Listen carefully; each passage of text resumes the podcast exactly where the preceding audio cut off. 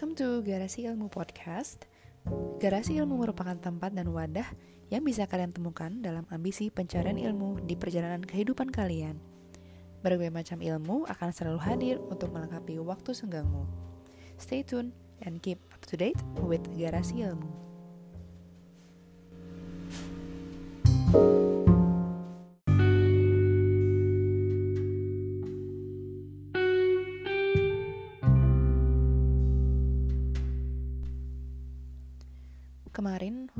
tanggal 18 April 2020, aku melihat suatu berita di suatu stasiun TV Indonesia yang membahas tentang pasien-pasien yang berbohong dalam masa COVID-19 ini dengan alasan mereka tidak ingin diketahui bahwa mereka positif COVID-19 atau tidak ingin dijadikan ODP alias orang dalam pengawasan.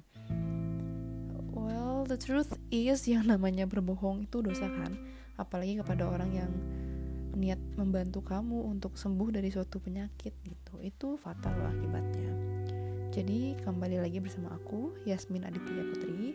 Dalam episode kedua kali ini aku ingin berdiskusi dengan kalian dengan tema kebohonganmu masuk proses mendiagnosis suatu penyakit terutama untuk teman-teman yang bukan di bidang non medis supaya tahu kenapa sih dokter itu banyak tanya ini itu yang sebenarnya tujuannya hanya melahirkan sebuah transparansi pasien kepada dokter. Jadi aku akan bahas terlebih dahulu gimana sih proses mendiagnosis penyakit seorang dokter itu dan kenapa kejujuran kalian ada di dalam proses tersebut. Kalau kalian ke poliklinik dan berhadapan dengan seorang dokter, pasti yang ditanya pertama kali itu adalah keluhan utama kalian.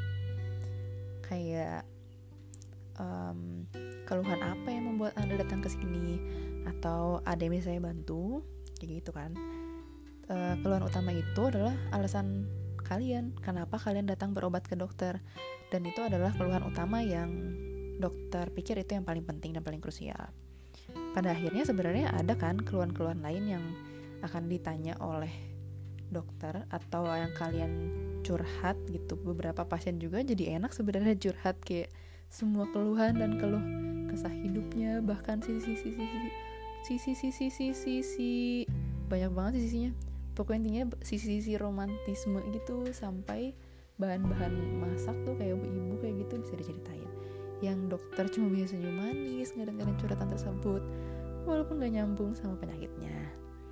But I think it's our duty to listen karena dengan curhatan dan transparansi kalian kita sebagai dokter pastinya akan sangat terbantu sih dengan media dengan mendiagnosis dini suatu penyakit itu.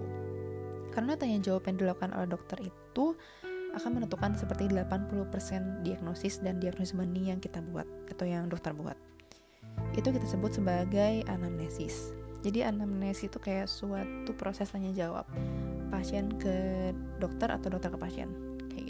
Itulah kenapa dokter banyak tanya dan yang para dokter harap kita semua sebagai pasien itu bisa jujur dan transparansi. Kenapa?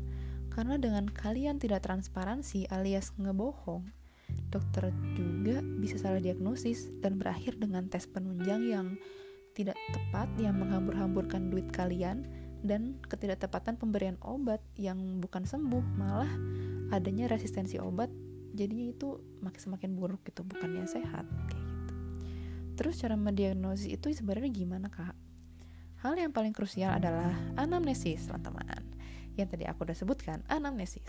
Tanya jawab dokter dan pasien yang sudah tadi aku katakan. Cara kita mendiagnosis itu tadi 80%-nya itu benar-benar ada di sini loh.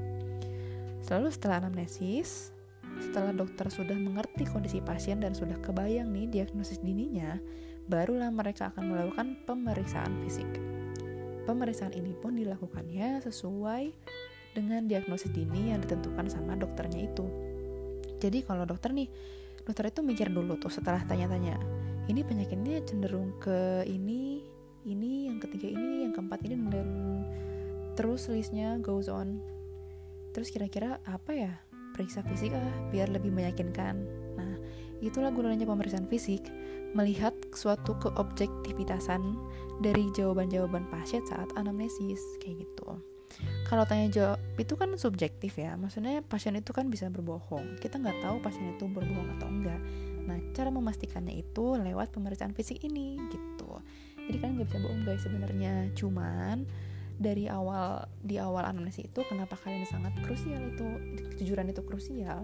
Karena itu kayak akan menentukan ini tuh sebenarnya kalau dalam pandemi ini apakah kalian itu suspek covid atau enggak sih? Itu karena se sebuah kehati-hatian yang sangat diperlukan sebagai tenaga medis. Lalu setelah pemeriksaan fisik baru dokter nanti akan mikir lagi kayak wah ternyata ini ada yang gak beres nih ada yang gak normal ya tapi kemungkinan penyakitnya masih banyak. Saya harus lakukan pemeriksaan penunjang. Nah baru di sini masuk pemeriksaan ketiga itu adalah pemeriksaan penunjang. Pemeriksaan penunjang inilah yang nantinya akan menyisakan satu diagnosis pasti atau bahkan sebenarnya gak ada yang pasti tergantung seberapa parah penyakitnya dan keterampilan dan keprofesionalan sang dokter. Tapi tenang aja dalam satu industri dokter ini kita ada sistem yang namanya konsul. Jadi mendiagnosis pun butuh tim dari beberapa dokter yang berasal dari berbagai bidang. Dan biasanya itu penyakit yang langka atau jarang ditemukan sih sampai buat bener-bener kayak tim kayak gitu. Tapi itu adalah basic dari kita sih. Gak mungkin kita hanya mendiagnosis kayak cuma satu dokter. Kita juga perlu membagi ilmu kita kepada orang lain itu supaya ini treatmentnya benar gitu.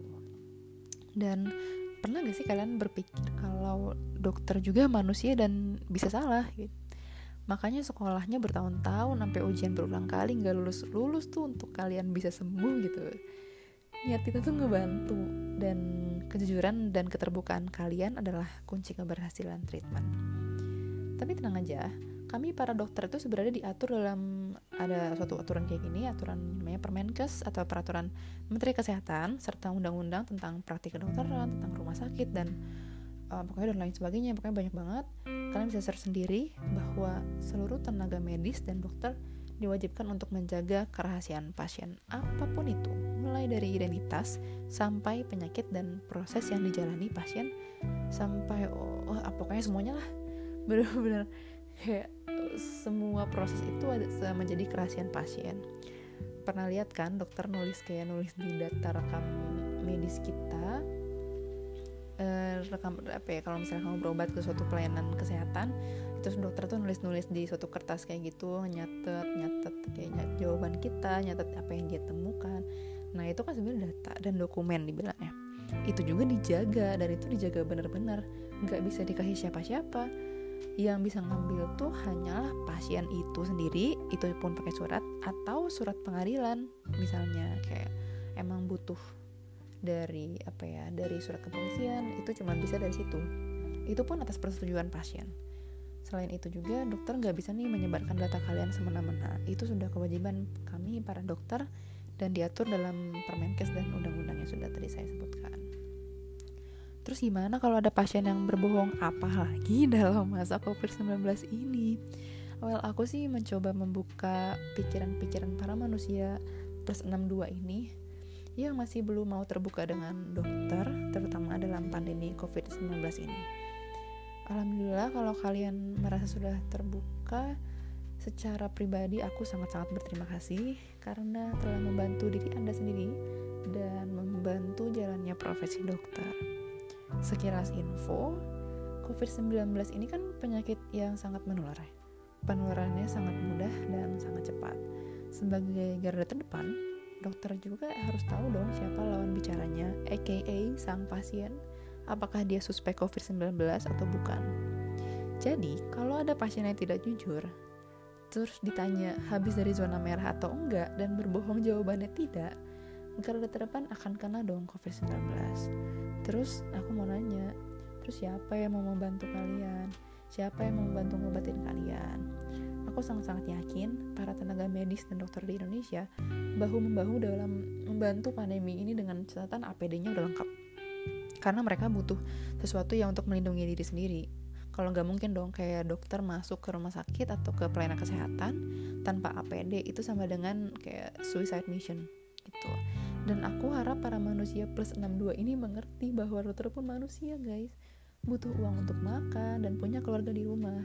Kalau kalian tidak jujur sama saja kalian membunuh satu keluarga. Siapa yang tahu? Mungkin dokternya nggak tahu ada pasien positif karena dia berbohong. Lalu pulang ke rumah berinteraksi dengan anak-anak dan suami atau istrinya dan yang meninggal nauzubillah minalik gitu. Bisa jadi bukan dokternya tapi orang lain anaknya atau suaminya atau istrinya. Gak ada yang tahu kan? Itulah kenapa kejujuran dalam masa pandemi ini sangat-sangat krusial. Dengan sat dengan satu kejujuran kalian akan menyelamatkan orang lain. Dan pesan aku terakhir menjadi seorang yang positif COVID-19, ODP atau PDP itu bukanlah aibmu, tapi ketidakpedulianmu lah. Mungkin sekian dari podcast aku. Thank you for listening. Stay tune untuk episode berikutnya. Saya Yasmin Aditya dari Garasi Ilmu. Pamit undur diri. Assalamualaikum warahmatullahi wabarakatuh.